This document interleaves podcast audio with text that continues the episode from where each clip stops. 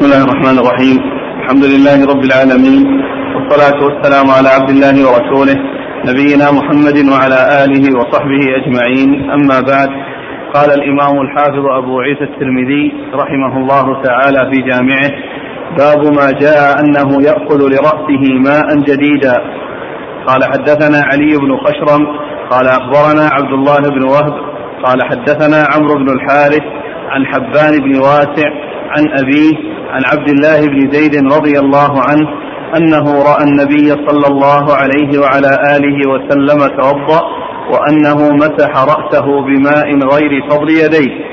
قال أبو عيسى هذا حديث حسن صحيح.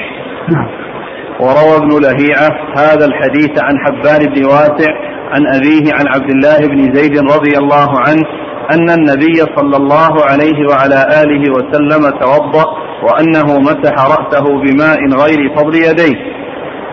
ورواية عمرو بن الحارث عن حبان أصح لأنه قد روي من غير وجه هذا الحديث عن عبد الله بن زيد وغيره أن النبي صلى الله عليه وآله وسلم أخذ لرأسه ماء جديدا والعمل على هذا عند أكثر أهل العلم رأوا أن يأخذ لرأسه ماء جديدا.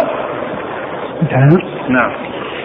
بسم الله الرحمن الرحيم الحمد لله رب العالمين وصلى الله وسلم وبارك على عبده ورسوله نبينا محمد وعلى آله وأصحابه أجمعين.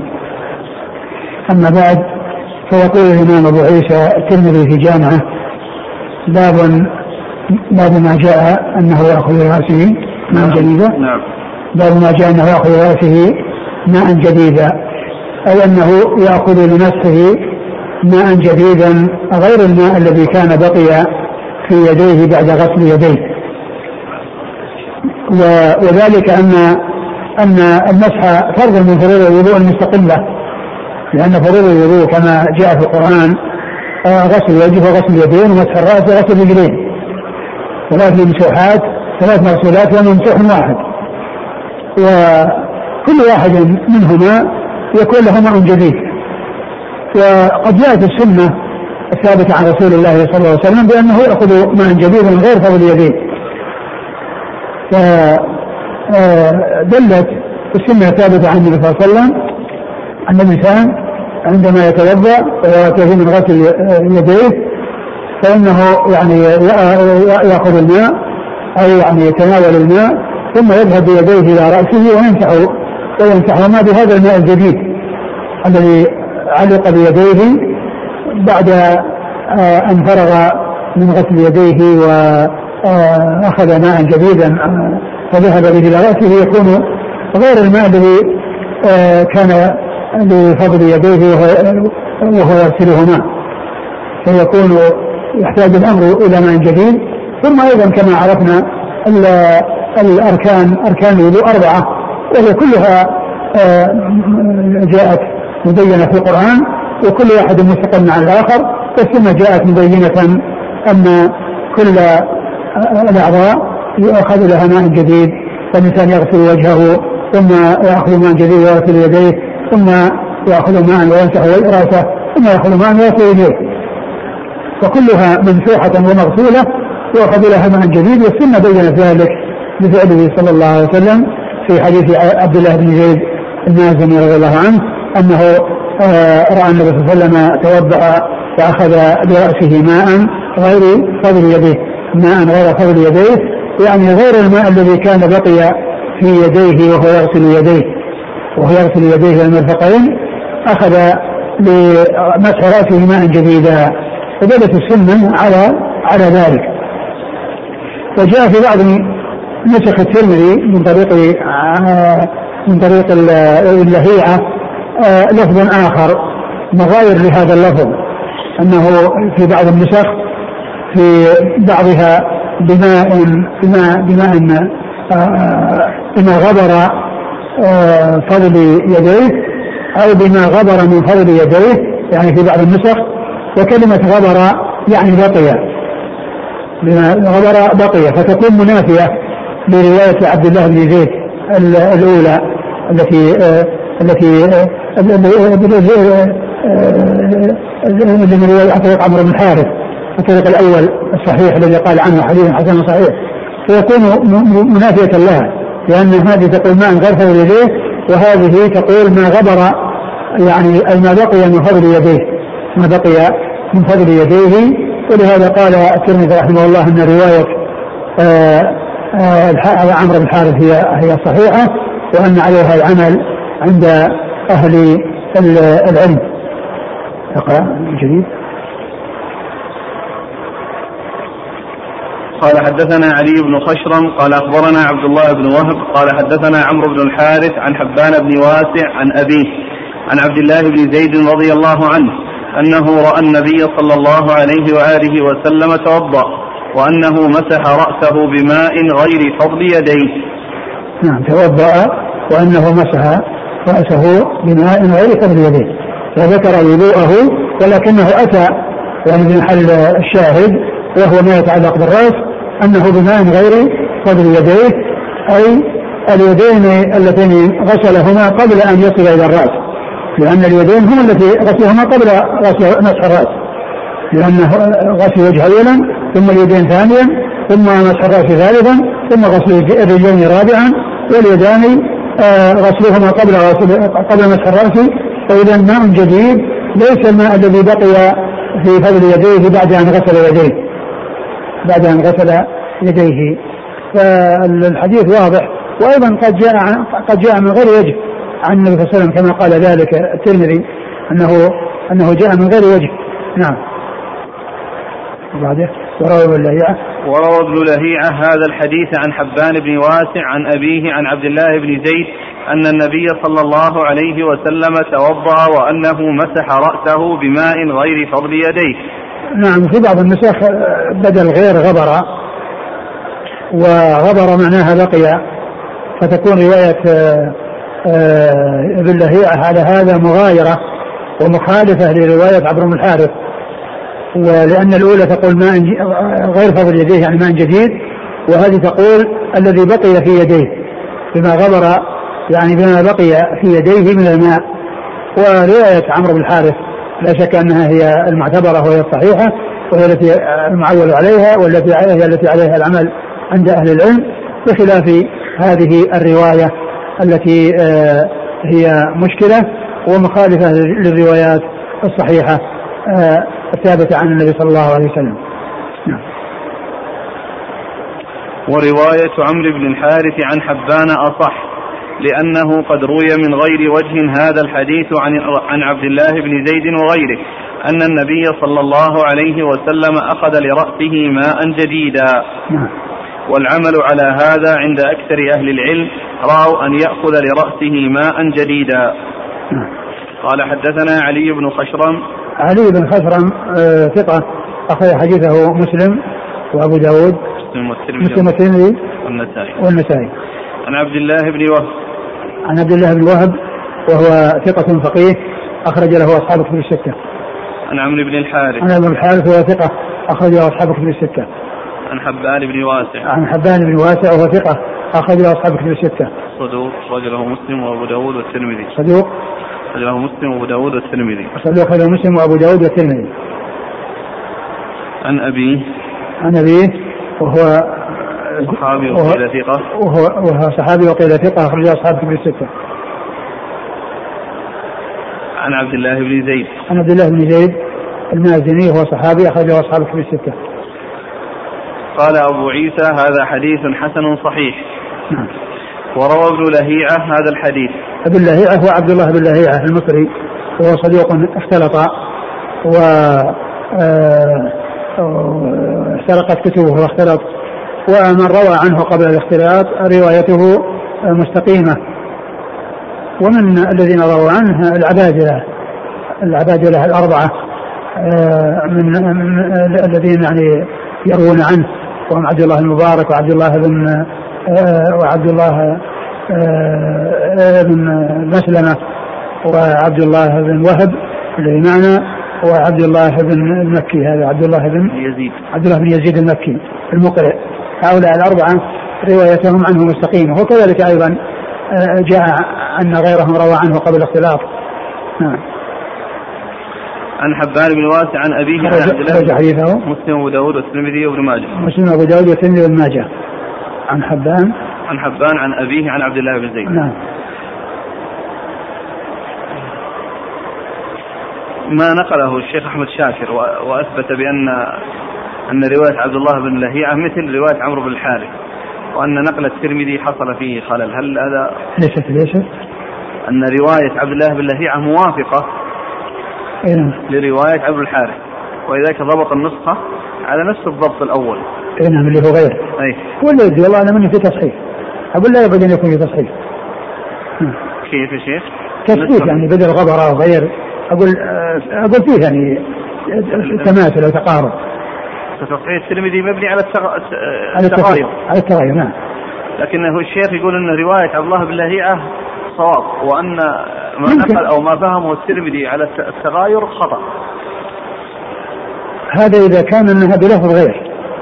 هذا إذا كان أنها بلفظ غير وليست غبرا يعني يكون ما في إشكال. ولكن يعني آه أنها برواية بلفظ غبرا والذي قال أنها توجد في ثلاث نسخ. آه. ها؟ اي نعم. أو توجد فيها نسخة نسختين بدون من بدون من ونسخة بإضافة من. يعني آه، يصير فيها مغايرة. أقول يصير فيها مغايرة. لكن التصحيف يعني قريب يعني بين بين آه، آه، غير وغبرة لكن الذي يبدو من كلام من كلام الترمذي وترجيحه إنه يعني مبني على أنها كأنها غبره لكن أحسن الله إليك. هو يقول إنه هذا الفهم غير صحيح لأن رواية عبد الله بن لهيعة في مصادر أخرى جاءت على مثل رواية عمرو بن الحارث. نعم يعني هذا إذا هذا يؤيد التوافق لكن الترمذي لما قال يعني أو اتى بهذه الرواية هذه المغايرة التي ذكرها الترمذي هي مبنية على الاختلاف وليس على الاتفاق. وإلا فإن رواية بالله تكون متفقة مع رواية عمرو الحارث ولا ولا يحتاج إلى أن يقال إنها أصح يمكن أصح من حيث الاسناد وأما من ناحية العمل ما في فرق بين الاثنتين.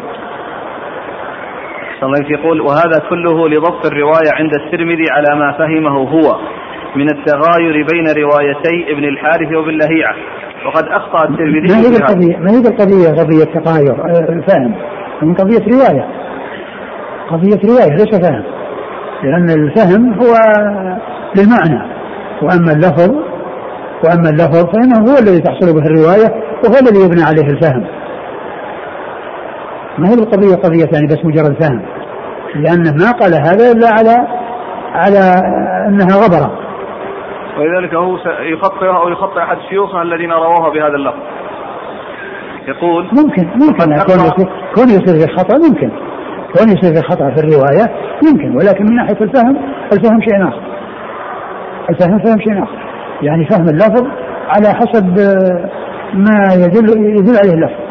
ولا شك أن غبر غير غير غير غير. يقول وقد أخطأ الترمذي في هذا أو أخطأ أحد شيوخه الذين بينه وبين ابن لهيعة في الرواية وهو لم يذكرهم حتى نعرف درجتهم من الضبط والإتقان. والصواب أن رواية ابن لهيعة كرواية عمرو بن الحارث. على كل يعني قضية الخطأ ممكن أو يمكن يحصل منها من شيوخه. لكنه ما قال هذا الكلام إلا بناء على هذا اللفظ. والفهم بعد ما وجد اللفظ آه، فهمه هذا هو الذي يمكن أن يقال في فهمه.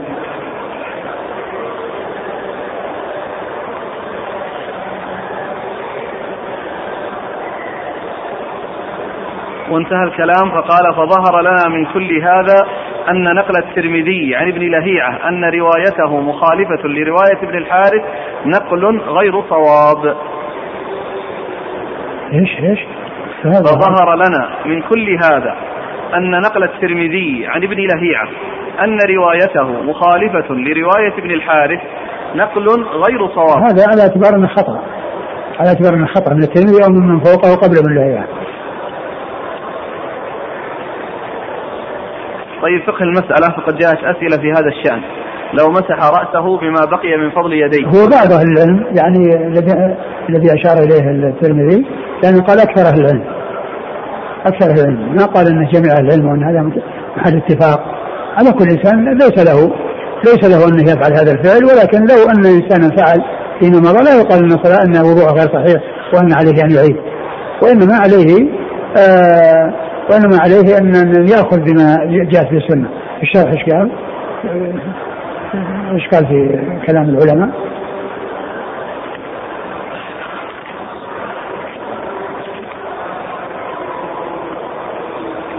قال وهو الحق والعمل على هذا عند أكثر العلم. يرون مسح الأذنين. لا. لا, لا هذا لا.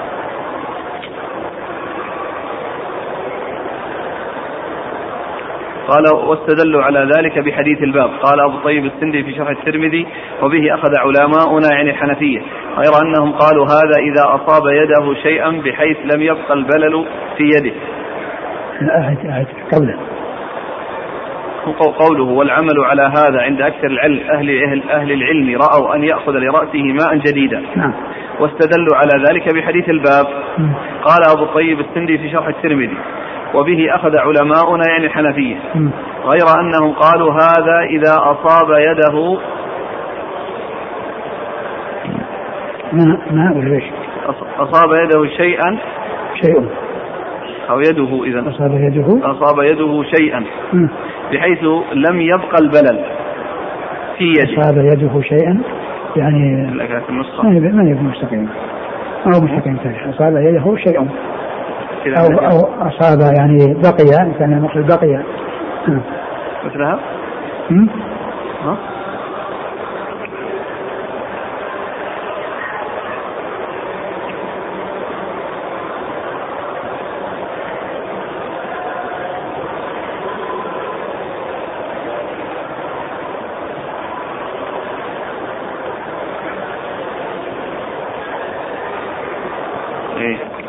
بحيث لم يبقى البلل في يده وش النسخة كذلك يعني؟ كلها باللفظ هذا؟ لا سواء. كلها باللفظ؟ قالوا هذا إذا أصاب يده شيئا بحيث لم يبقى أقول كان يتذكر أقول يد مؤنثة. أقول يد مؤنثة. ف يعني أصابت يده شيئا. لكن إذا كانت تذكر نعم. فيه نسخة بالتاء نعم. أصابت. طيب. أصابت يده شيئا بحيث لم يبقى البلل في يده. وهو لا ي... بس إيش الانثار غير أنهم قالوا هذا إذا أصابت يده شيئا بحيث لم يبقى البلل في يده. يعني معناه إنه يأخذ مع جديد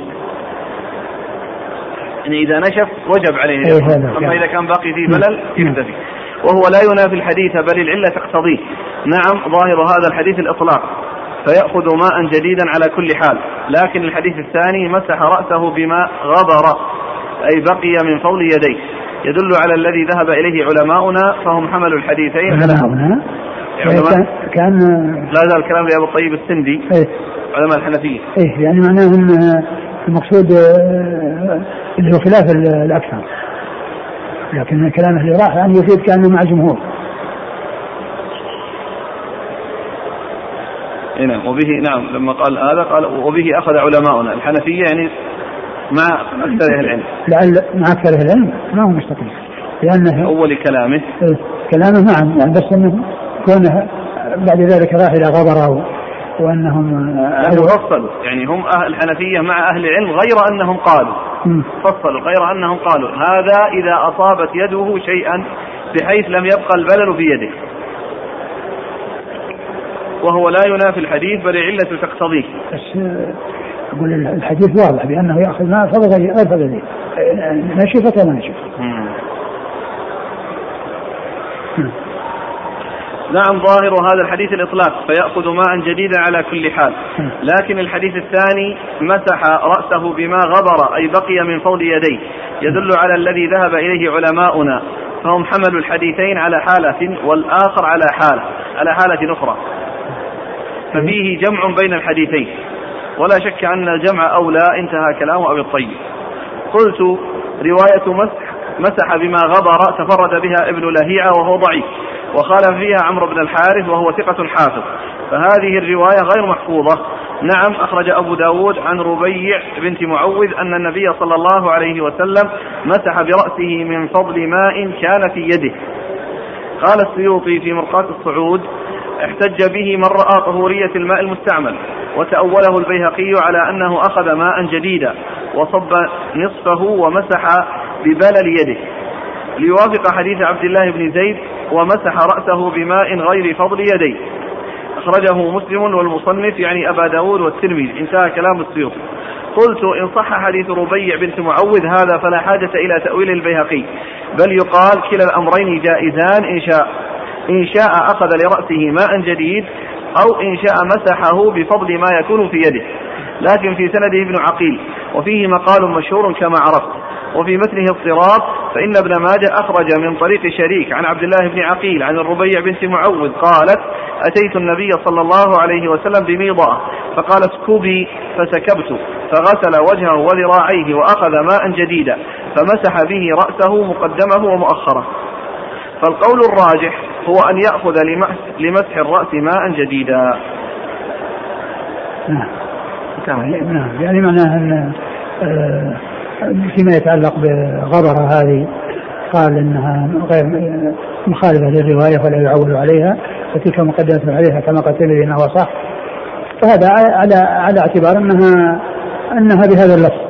وأما إذا كانت مطابقة لرواية عمرو بن الحارث وأن الترمذي قد أخطأ أو أخطأ ما فوقه فهذا ليس هناك تعارض تكون روايتان متفقة متفقتين. رواية عمرو الحارث ورواية عبد الله ابن لهيعه لكن هذا الحديث الذي أشار إليه حديث الربيع لو صح هو الذي فيه الدليل و ويكون حجة للذين قالوا بأنه آه، آه، يكفي بأن يمسح رأسه بما بقي.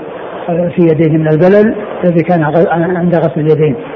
لكن الحديث ثابت في أنه يأخذ ماء جديدا فلا يكتفي الإنسان بأن يمسح رأسه بالماء الذي بقي من فضل يديه.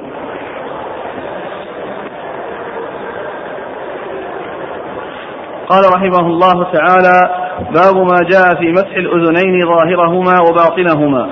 مسح الأذنين ظاهرهما وباطنهما. قال حدثنا هناد قال حدثنا عبد الله بن إدريس عن محمد بن عجلان عن زيد بن أسلم عن عطاء بن يسار عن ابن عباس رضي الله عنهما أن النبي صلى الله عليه وعلى آله وسلم مسح برأسه وأذنيه ظاهرهما وباطنهما. ثم أورد أبو, أبو عيسى رحمه الله باب مسح الأذنين. نعم ظاهرهما باب مسح الأذنين ظاهرهما وباطنهما. يعني أن الأذنين آه، فرضهما المسح كالرأس لأنهما تابعان للرأس وليس تابعين تابعين للوجه فهما من الرأس فيمسحان وليس من الوجه فيغسلان فحكمهما المسح. وقد جاءت أحاديث في ذلك عن رسول الله صلى الله عليه وسلم وهو المبين للقرآن وهو المبين للقرآن صلوات الله وسلامه وبركاته عليه ومنها حديث ابن عباس أن أن النبي صلى الله عليه وسلم مسح رأسه وأذنيه ظاهرهما وباطنهما. فيكون على هذا حكم الأذنين المسح وليس الغسل. فحديث ابن عباس وغيره من الأحاديث واضحة الدلالة على أن حكم الأذنين هو المسح وليس الغسل. نعم. قال حدثنا هناد.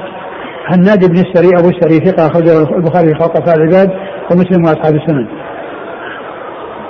عن عبد الله بن إدريس. عبد الله بن إدريس الأودي ثقة أخرج له أصحاب الكتب الستة. عن محمد بن عجلان. محمد بن عجلان صدوق أخرجه البخاري تعليقا ومسلم وأصحاب السنة عن زيد بن أسلم. عن زيد بن أسلم ثقة أخرجه أصحاب الكتب الستة. عن عطاء بن يسار. عن عطاء بن يسار وهو ثقة أخرجه أصحاب الكتب الستة. عن ابن عباس. عن عباس عبد الله بن عباس بن عبد المطلب ابن عم النبي صلى الله عليه وسلم وأحد العباد له الأربعة من الصحابة وأحد السبع المعروفين بكثرة الحديث عن النبي صلى الله عليه وسلم. قال أبو عيسى وفي الباب عن الربيع. وفي الباب عن الربيع وهي بنت معوذ وقد مر حديثها في الباب قبل هذا الذي فيه أنه مسح مسح الرأس والأذنين مر قريبا. نعم. قالت بدأ بمؤخر رأسه ثم بمقدمه وبأذنيه كلتيهما ظهورهما وبطونهما. نعم. هذا حديث الربيع الذي أشار إليه الترمذي. سبق أنه أورده في باب قبل هذا. أخرج لها أصحاب الكتب. نعم. أخرج لها. أخرج لها. أصحاب الكتب الستة. أصحاب الكتب الستة. قال أبو عيسى وحديث ابن عباس حديث حسن صحيح. والعمل على هذا عند أكثر أهل العلم يرون مسح الأذنين ظهورهما وبطونهما. والعمل على هذا عند أكثر أهل العلم. يرون مسح الأذنين يعني ظهور آه، ظهور ظهورهما وبطونهما. نعم. هذا على وجه الوجوب والاستحباب. الأذنين؟ لا قصدي بهذه الصفة. الأذنان من الرأس يجب مسحهما كما يسحب الرأس لكن أين؟ السؤال أحسن الله إليك يعني لو اكتفى بالظاهر مثلا. يقول بعض الناس يستعجل والله الذي يبدو الذي يبدو ان ان أن الحكم للاثنين وانه يجب يعني ويتعين ذلك لأن الذي بين مسح الرأس هو الذي بين مسح الأذنين وطريقة مسحهما. لأنها العبارة واحدة أحسن الله إليك. فيما سبق وهذا هناك والعمل على هذا عند أكثر العلم. رأوا أن يأخذ لرأسه ماء جديدا. وهنا قال والعمل على هذا عند أكثر العلم. يرون مسح الأذنين ظهورهما وبطونهما فالتعبير بأكثر العلم؟ ما أدري. شيء ما- ما الشرح. ذكر شيء؟ لا أبدا. قال وهو الحق يدل عليه أحاديث الباب. نعم. ما أدري هل في أحد من العلم يقول بخلاف هذا. لكن فيه نعم فيه في بعض أهل العلم سيأتي أنهم يعني يرون ان ان أن الغسل فيه؟ غسل إيش؟ غسل يعني ما اقبل يعني ما أقبل من الأذنين يغسل تبعا للوجه. يعني وما أدبر يغسل تبعا للرأس يمسح تبعا للرأس. في تفصيل سيأتي. أقول في تفصيل سيأتي عند لعل عند الأذنين من الرأس. أو أو في هذا إذا كان. يعني أنهما يمسحان هذا قول أكثر العلم لكن بعض أهل العلم فصل وقال ما أقبل من الأذنين فإنه يغسل تبعا للوجه سيد. إيه. قال رحمه الله تعالى باب ما جاء أن الأذنين من الرأس قال حدثنا قتيبة قال حدثنا حماد بن زيد عن سنان بن ربيعة عن شهر بن حوشب عن أبي أمامة رضي الله عنه أنه قال توضأ النبي صلى الله عليه وعلى آله وسلم فغسل وجهه ثلاثا ويديه ثلاثا ومسح برأسه وقال الأذنان من الرأس. ثم أورد أبو عيسى باب باب ما جاء باب ما جاء ما جاء من الأذنين من الرأس. أي أي فيمسحان وليس من الوجه فيغسلان. هذا مقصود من الترجمة. معنى كونه من الرأس يعني فحكمهما المسح يعني كونهما من الراس يكون حكمه المسح وليس من الوجه فيكون حكمهما الغسل لأن الغسل حكم الوجه حكم الغسل والمسح حكم الرأس. والنبي صلى الله عليه وسلم قال الاذنان من الرأس أي فيمسحان؟ أي فيمسحان؟ ولا يغسلان وهذا مطابق لما تقدم في حديث ابن عباس أنه مسح برأسه وقال الاذنان من الراس يعني ومسح بهما. يعني مسح برأسه وقال الاذنان من الراس أي ومسحهما مع الرأس لأنهما منه. وقد جاء في بعض الأحاديث آه، آه، ما يدل على أن الأذنين أنهما مضافان إلى الوجه وذلك في حديث الدعاء حديث علي في صحيح مسلم الذي في سجد وجهه لله الذي خلقه وصوره وشق سمعه وبصره. فإن السمع مضاف إلى الوجه هنا. لأن أضاف إلى الوجه السمع والبصر. ولكن يعني كما هو معلوم آآ آآ هذا يمكن أن يكون على اعتبار أنهما تابعان وهما المنافذ التي يعني في, في, في, في, في, في رأس الإنسان وفي وجهه. لكن الحديث الذي جاء وحدد وبين الم- أن المقصود أن الحكم هو المسح هو الذي يعول عليه. وأما آه وأيضا في التنصيص على هو من الرأس يعني فيما يتعلق بالمسح. لأنه مسح وقال اذن من الراس مسح رأسه وقال اذن من الراس لأنه مسحهما فحديث آه، وشق سمعه وبصره لا يدل على أن على انهما يغسلان لأنه اضيفت الوجه وإنما آه، الحديث الذي بين كيفية الوضوء وهو فعله صلى الله عليه وسلم آه، واضح الدلالة على أن حكمهما حكمهما على أن حكمهما المسح وليس الحكم هو الغسل. نعم. توضأ النبي صلى الله عليه وسلم فغسل وجهه ثلاثة ويديه ثلاثة ومسح برأسه وقال الأذنان من الرأس يعني أنه مسحهما قال حدثنا قتيبة قتيبة بن سعيد بن جميل بن طريف البغلاني ثقة أخرج له أصحاب كتب الستة. عن حماد بن زيد عن حماد بن زيد ثقة أخرج له أصحاب كتب الستة. عن سنان بن ربيعة. عن سنان بن ربيعة وهو صدوق فيه لين. صدوق فيه لين أخرج له البخاري وأبو داود والترمذي بن ماجه. البخاري وأبو داود والترمذي بن ماجه. عن شهر بن حوشب. عن شهر بن حوشب وهو صدوق. كثير الإرسال والأوهام والأوهام. أخرج حديثه. المفرد ومسلم. البخاري المفرد ومسلم. وأصحاب السنن. وأصحاب السنن. عن أبي أمامة. عن أبي أمامة صدي بن عجلان الباهلي رضي الله عنه. وحديثه أخرجه أصحاب كتب الستة. قال أبو عيسى قال قتيبة قال حماد لا أدري. هذا من قول النبي صلى الله عليه وآله وسلم أو من قول أبي أمامة. يعني هذا فيه شك. يعني هل أن الأذنان من الرأس هل هو من قول رسول الله صلى الله عليه وسلم فيكون مرفوعا أو من قول أبي أمامة فيكون آه، موقوفا. لكن جاء يعني أحاديث عديدة آه، تدل على أن الأذنان من الرأس وأنهما من كلام النبي صلى الله عليه وسلم ثم أيضا الأحاديث الأخرى التي ليس فيها ذكر الأذنين من الرأس ولكن فيها أن النبي صلى الله عليه وسلم مسح أذنيه ظاهرهما وباطنهما مع مسح رأسه.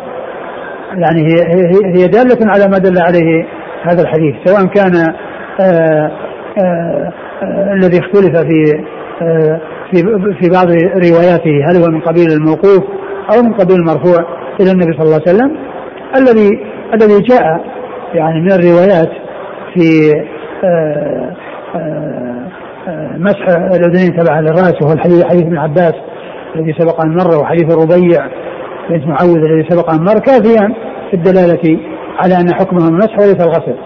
وحديث الأذنان الراس جاء من طرق متعددة و و والحكم ثابت يعني من ناحية الأذنان الراس يعني صححه جماعة من أهل العلم. نعم. قال وفي الباب عن أنس.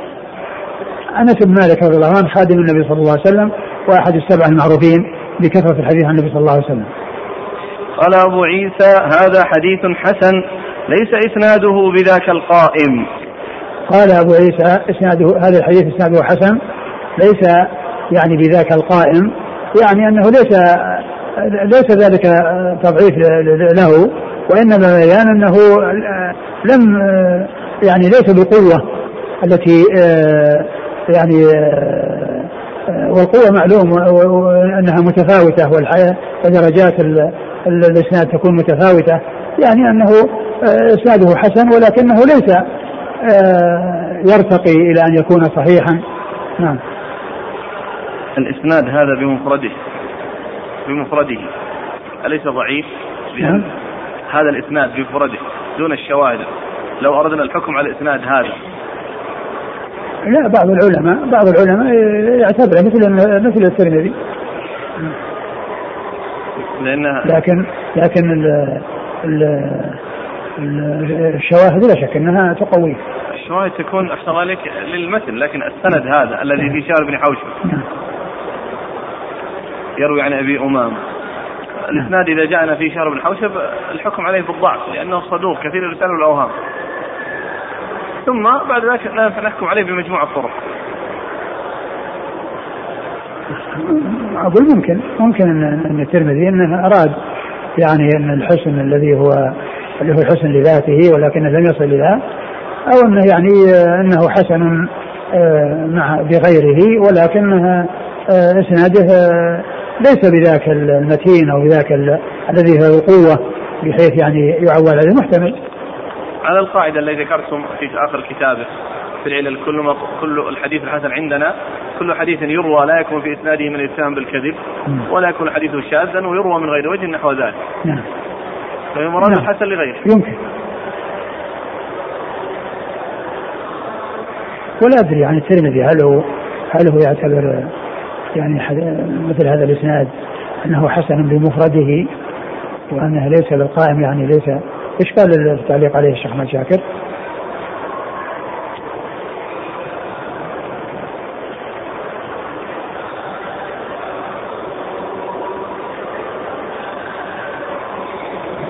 كان النقل عن موضوع آه، الشك هل من قول النبي صلى الله عليه وسلم أو من قول أبي أمامة؟ ما ذكر شيء أطال في النقل عن هذا الموضوع. ثم قال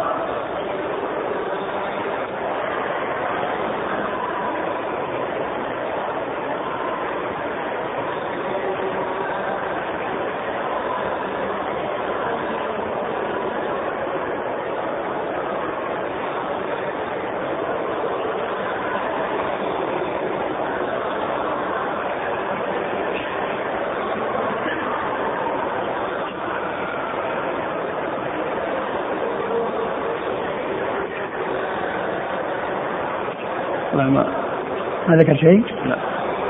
كان الكلام كله على قضية الإشكال في حديث أبي أمامة. هل هذا من قوله من قوله أو من قول النبي صلى الله عليه وسلم؟ طيب. والعمل على هذا عند أكثر أهل العلم من أصحاب النبي صلى الله عليه وسلم. ومن بعدهم أن الأذنين من الرأس. نعم من الأذنين من الرأس فيمسحان وليس من الوجه فيغسلان. وبه يقول سفيان الثوري وابن المبارك والشافعي وأحمد وإسحاق.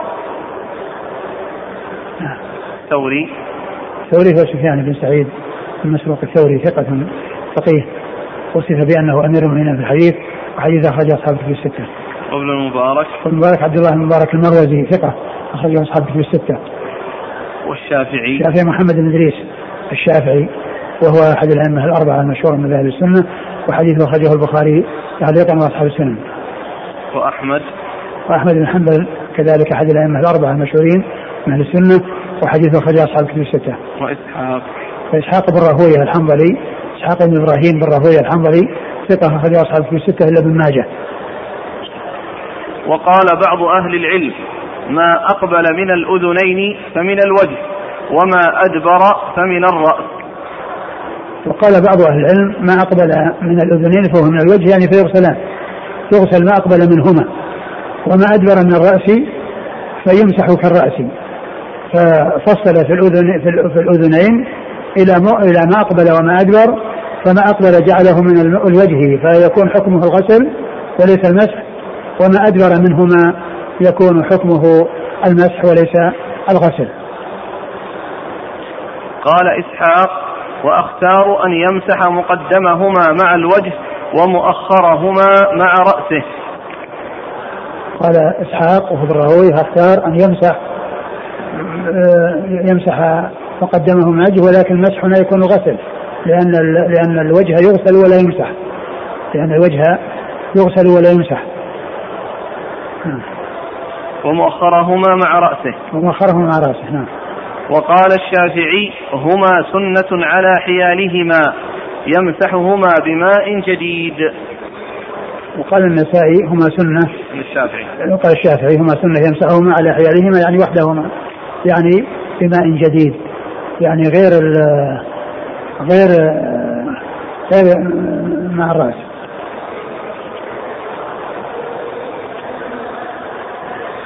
والأظهر من الأقوال انهما أنهما من الراس فيمسحان وأن غسلهما مسحهما واجب كالراس. ويمسحان بماء جديد أو لا بماء لا يعني آه، يمسحان مع مع, مع الراس. وإن مسحهما جديد يجوز لكن الأحاديث وردت بالجمع بينهما.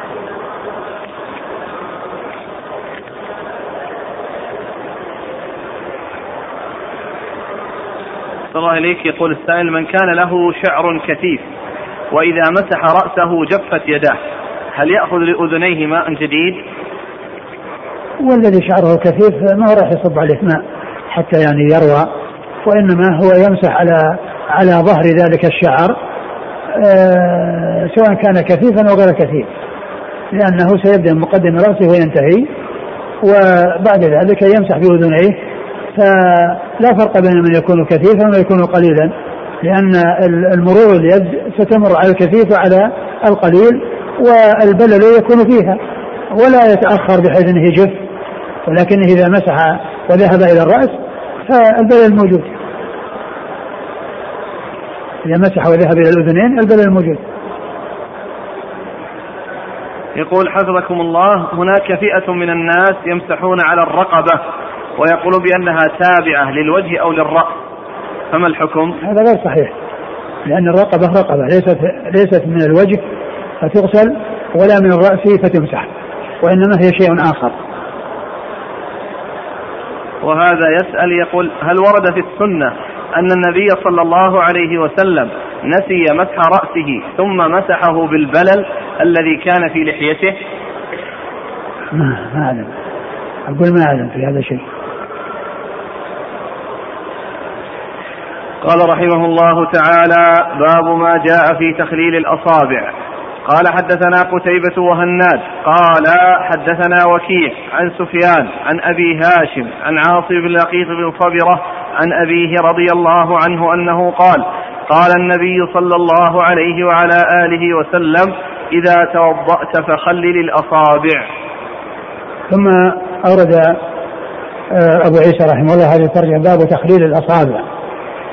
والمقصود من ذلك يعني آه، آه، إدخال الأصابع بين الأصابع بحيث يعني يصل الماء إليها سواء كان في ذلك اليدين والرجلين.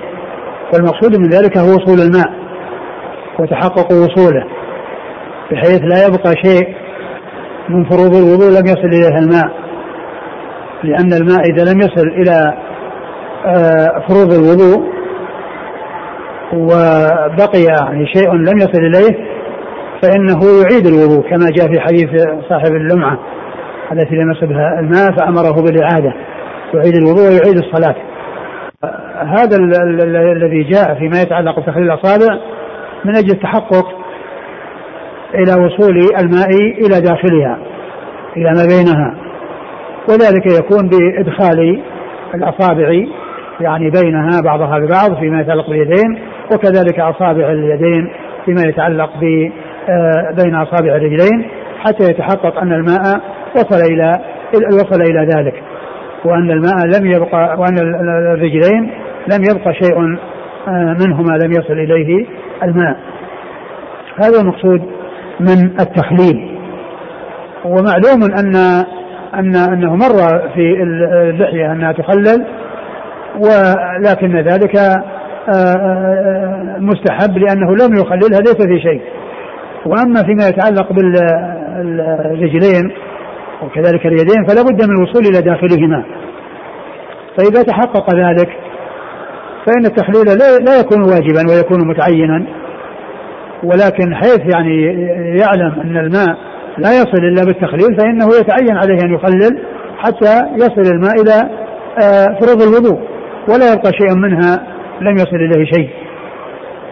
ف أورد أبو عيسى رحمه الله حديث لقيط بن صبرة وهو قطعة من حديث الذي فيه إذا قمت إلى الصلاة فأسبغ الوضوء وخلل الأصابع وبالغ في الاستنشاق إلا أن تكون صائما وبالغ في الاستنشاق إلا أن تكون صائما فهذا فيه الإرشاد والتوجيه إلى أن الإنسان يخلل بين أصابعه بحيث يعني يتحقق أن الماء وصل إليها لأن الماء وصل إليها وأنه لم يبقى شيء من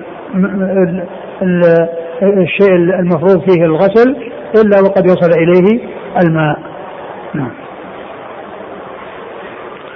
قال حدثنا قتيبة وهناد. قتيبة وهناد مر ذكرهما. عن وكيع. وكيع بن الجراح الرؤاسي الكوفي ثقة أخرجه أصحاب كتب الستة. عن سفيان عن أبي هاشم. سفيان هو الثوري. عن أبي هاشم وهو إسماعيل بن كثير وهو ثقة أخرج له. مسلم البخاري البخاري وأصحاب السنة البخاري وأصحاب نعم. البخاري في المفرد. البخاري في المفرد. وأصحاب السنة وأصحاب السنة عن عاصم بن لقيط بن صبرة عن عاصم بن لقيط بن صبرة وهو ثقة. البخاري في المفرد وأصحاب السنة ثقة البخاري في المفرد وأصحاب السنة عن أبيه. عن أبيه هو صحابي أخرجه البخاري في المفرد وأصحاب السنة أيضا. فثلاثة كلهم متوالون أخرجهم البخاري في المفرد وأصحاب السنة. إذا الأمر فخلل. نعم يعني يبدو أنه أنه أنه, أنه إذا كان أن آه، آه، التخليل المقصود آه، منه وصول الماء. فإذا كان الماء أنه سيصل وأن الإنسان توضأ ولم يخلل ولكن أنه تحقق فالوضوء صحيح.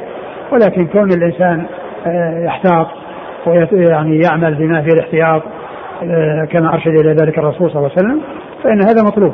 لأن إسباغ الوضوء كما هو معلوم آه، ليس بواجب. يعني إسباغ الوضوء يعني يكون الإنسان يغسل ثلاث مرات. وقد جاء في نفس الحديث نعم في نفس الحديث الواحد. أسبغ الوضوء وإسباغ الوضوء يكون بالدلك ويكون أيضا بالغسل ثلاث مرات. ومعلوم غسل ثلاث مرات ليس بمتعين يكفي مرة واحدة.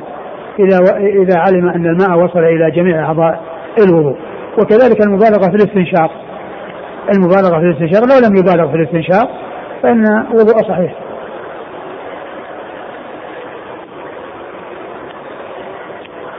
قال وفي الباب عن ابن عباس والمستورد وهو ابن شداد الفهري وأبي أيوب الأنصاري. ثم قال وفي الباب عن ابن عباس. عن ابن عباس. وابن عباس مر ذكره والمستورد بن شداد. صحابي اخرج حديثه. البخاري تعليقا ومسلم وأصحاب السنن. البخاري تعليقا ومسلم وأصحاب السنن. وأبو أيوب وأبو ايوب الأنصاري خالد بن زيد. اخرجه أصحاب كتب الستة. قال أبو عيسى هذا حديث حسن صحيح. نعم.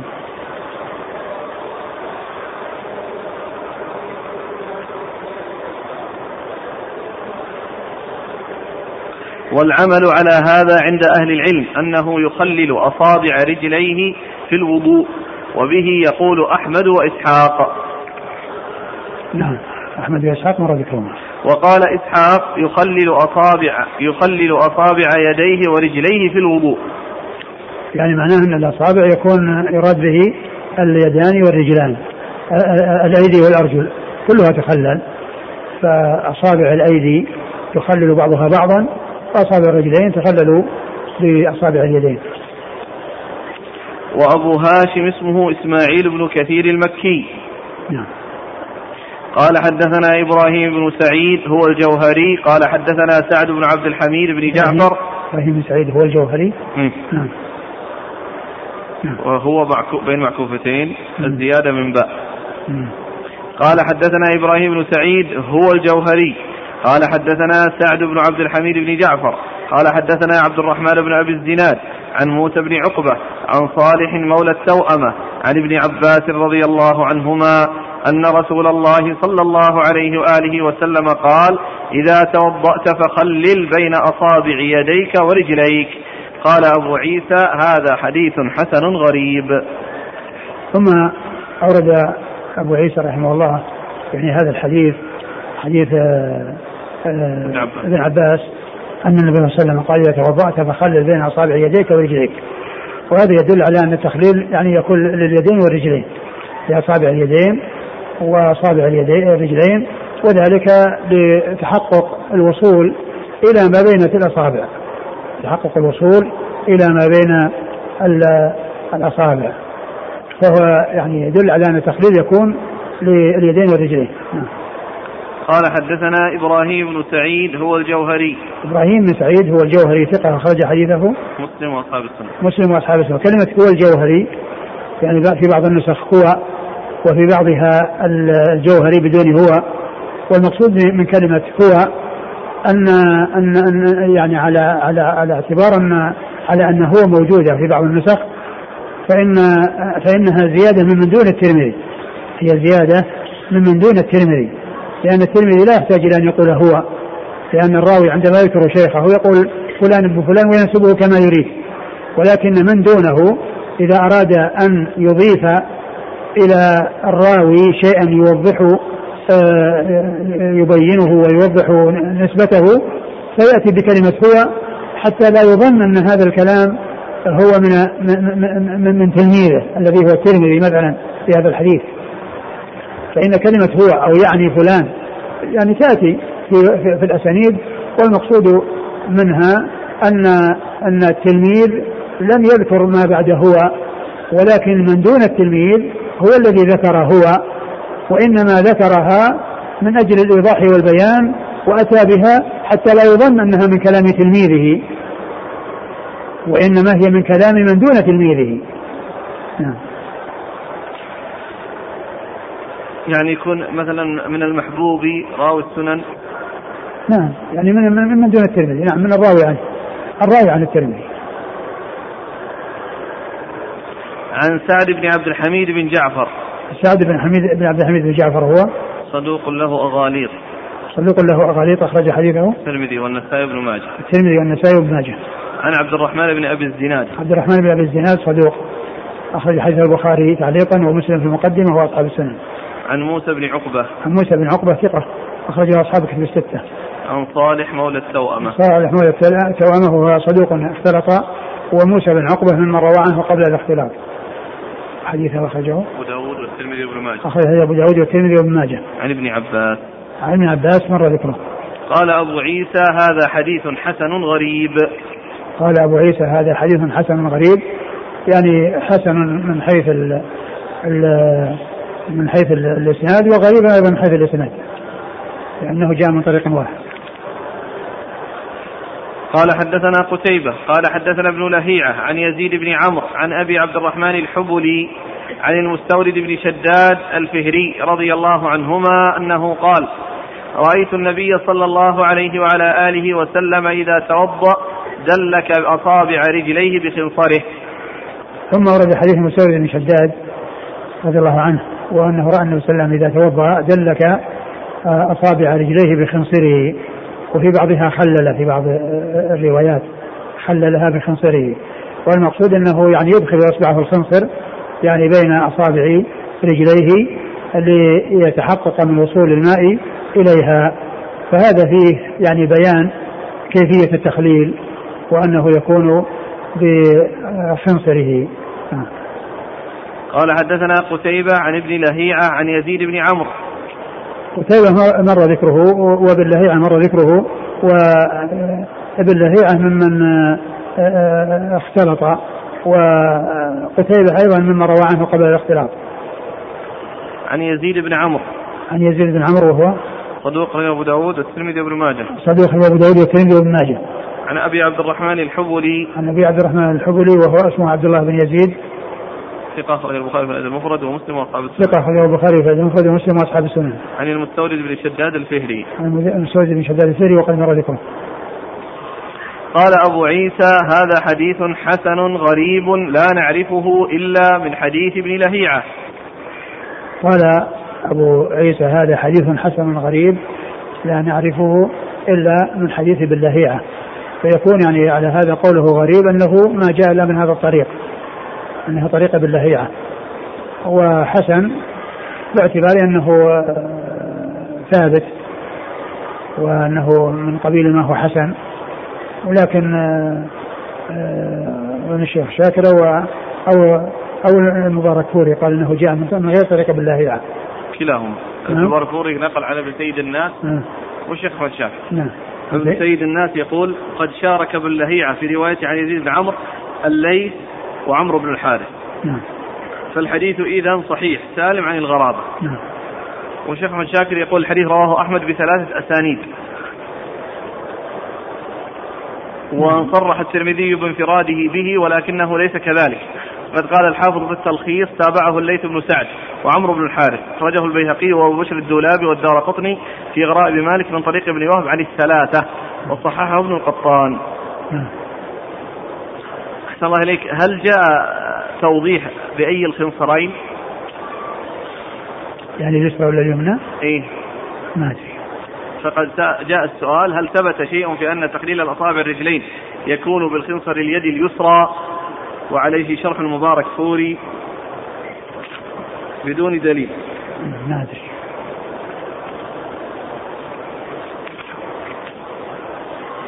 لما شرح قال بخنصره أي بخنصر يده اليسرى ولم يذكر عليه رواية. أي ما أدري.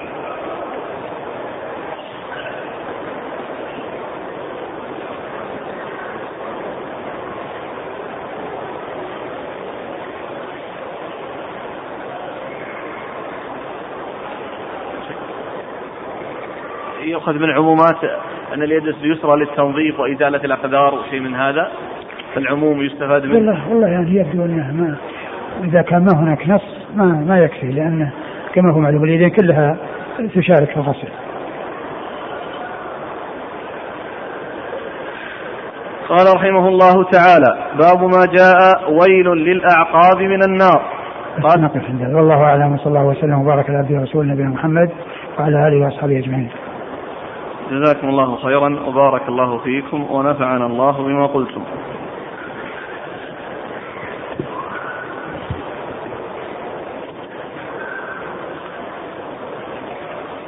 يقول السائل فضيلة الشيخ لدي في قدمي تشقق في أعقابهما وإذا غسلتهما لثلاث أرى أن الجلد كأنه لم يصبه الماء.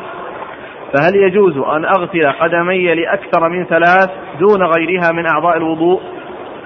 أخشى أنك موسوس.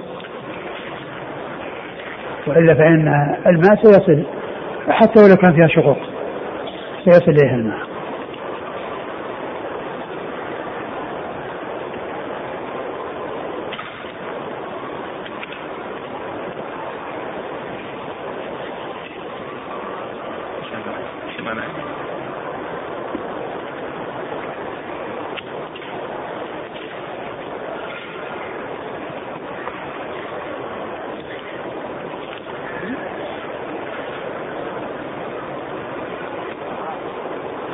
يقول توفيت فتاة وعليها صيام شهرين صيام فريضة وكذلك عليها طواف إفاضة فكيف العمل؟ آه، فيما يتعلق بال بقضية الصيام الرسول صلى الله عليه وسلم قال من صام مات عليه الصيام صام عن وليه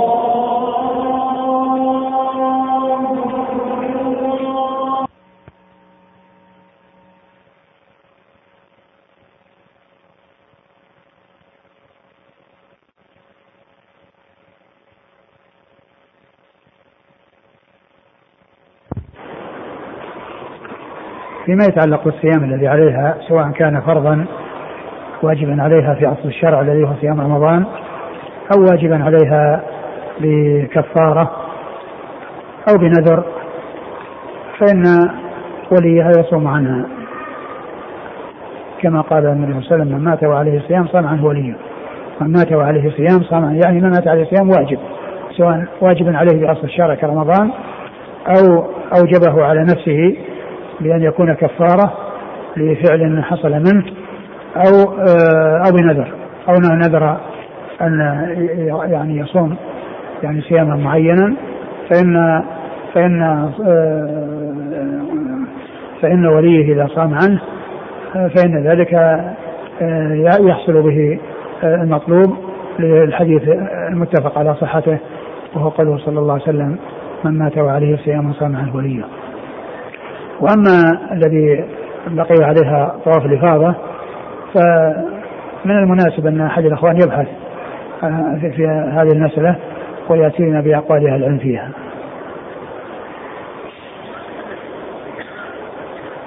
هذا يقول كيف يكون قضاء الصيام؟ صيام رمضان بعد سنتين أو أكثر.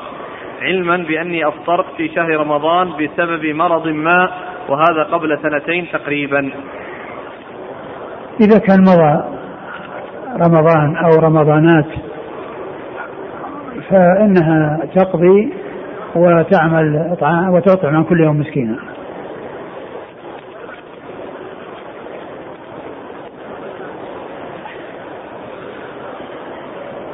يقول في بلادي الذي يريد أن يعمل في عمل جيد براتب جيد يكاد أن لا يجد عمل عملا إلا إذا كان يلبس هذه ربطة العنق فهل له رخصة في لبسها للعمل؟ يعني من شرط العمل ربطة العنق؟ يعني هذا لا شك إنه من تقليد الكفار ومن أعمال الكفار وهذه مستوردة من الكفار ولا يجوز للانسان أن يعمل ذلك ولا أن يستعمل ذلك ثم ما أدري إيش الذي يجعل ربطة العنق هي هي هي التي تكون سببا في الوظيفه ما في إلا ربطة في العنق. يعني يمكن ربطة في العنق أيضا ما تأتي إلا ومعها يعني كامل اللباس الافرنجي على كل إنسان الشيء الذي لا يسوغ لا يأتي به. والله تعالى يقول من يتق الله يجعل له مخرجا.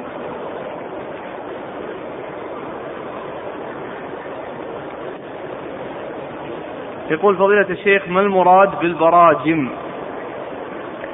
البراجم هي الأصابع تراجم هي الأصابع يعني مفاصل الأصابع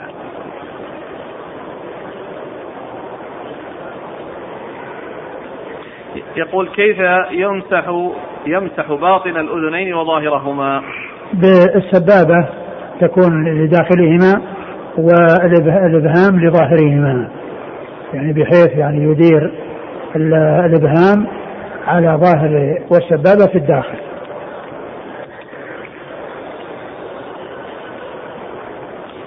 يقول هل تخليل أصابع اليد بالخنصر كذلك أم بالتشبيك لا. بينهما؟ لا لا. يعني هذاك للرجلين. وأما هذا يمكن بالتشبيك بينهما أو يعني يكون يدخل بعضهم في بعض. يقول من توضأ وترك أقل من المقدار الذي جاء فيه الحديث صاحب اللمعة هل يعيد الوضوء؟ أم القدر فقط ما ذكره صاحب اللمعة؟ والله إذا كان يعني شيء واضح وشيء مبين يعني فالإنسان عليه أن يعيد الوضوء والصلاة.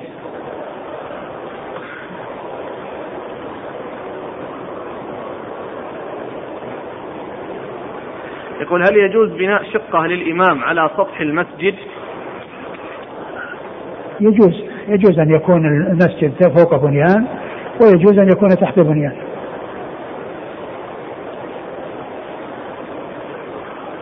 ويقول السائل هل يجوز أن ألبس ملابس الإحرام وأغتسل في الفندق ثم أصلي ركعتين وأنوي نية الإحرام عند أبيار علي؟ أي نعم. لك أنك تتهيأ وأنت في مسكنك وفي المدينة وتطهر وتغتسل وتلبس إزارا ورداء ولكنك لا تنوي إلا في الميقات. إذا جئت الميقات سواء نزلت وصليت ركعتين وأحرمت أو صليت فريضة وأحرمت أو أنك عندما تحاذي المسجد تنوي وتلبي وأنت في السيارة. المهم أن الإحرام يكون من الميقات وأما الاستعداد للإحرام وذلك بالاغتسال ولبس الإزار والرداء فإن ذلك يكون في, المدينة في نفس المدينة. ما في بأس. لأن لبس الإحرام ليس بإحرام. كل إنسان يلبس إزار والرداء لا يقال أنه محرم حتى ينوي. حتى ينوي فيكون محرما لأن الإحرام هو النية ويكون بالنية والتلبية بعدها. وأما مجرد لباس الإحرام فهذا ليس بإحرام. يسأل عن حديث خللوا بين أصابعكم قبل أن تخلل بمسامير من نار لا أعرف عنه شيئا آه، الأخ يذكر مشكلة اجتماعية تحصل كثيرا يقول في بلدنا وهي إقامة علاقات محرمة بين الرجال والنساء أجنبيات. فيقع الحرام وعندما تحمل المرأة يسارع بالزواج بها في الشهر الأول ويستمر معها في هذا الزواج. فما حكم هذا العقد؟ وما حكم الولد الأول؟ هل هو ولد هل ولد هذا ولد زنا والعياذ بالله. وليس للإنسان يتزوج أو يعقد على امرأة وفي بطنها ولد. سواء كان له أو لغيره سواء كان منه من الزنا والعياذ بالله أو يعني لغيره بأن تكون يعني امرأة يعني مطلقة وهي حامل لا يجوز الإنسان يعقد عليها لأنه لا يكون ذلك إلا بعد آه، وضعها الحمل. فكون بعض الناس يحصل منه فعل الحرام ثم يعقد عليها آه، لا شك أن هذا غير سائغ والولد ليس له وإنما هو من زنا ولا ينسب إليه. وهذا آخر يقول شخص مسلم زنى بامرأة مسلمة أو نصرانية ثم صارت المرأة حامل ثم أراد هذا الرجل أن يتزوج بها فكيف العمل؟ أرجو التفصيل لأن هذا كثير في بلدي. الجواب هو نفس الجواب السابق يقول أحسن الله إليك هل ورد شيء في فضل شهر شعبان وليلة النصف منه؟ لا ما نعلم ما نعلم شيء ثابت في هذا. جزاكم الله خيرا وبارك الله فيكم ونفعنا الله ما قلت.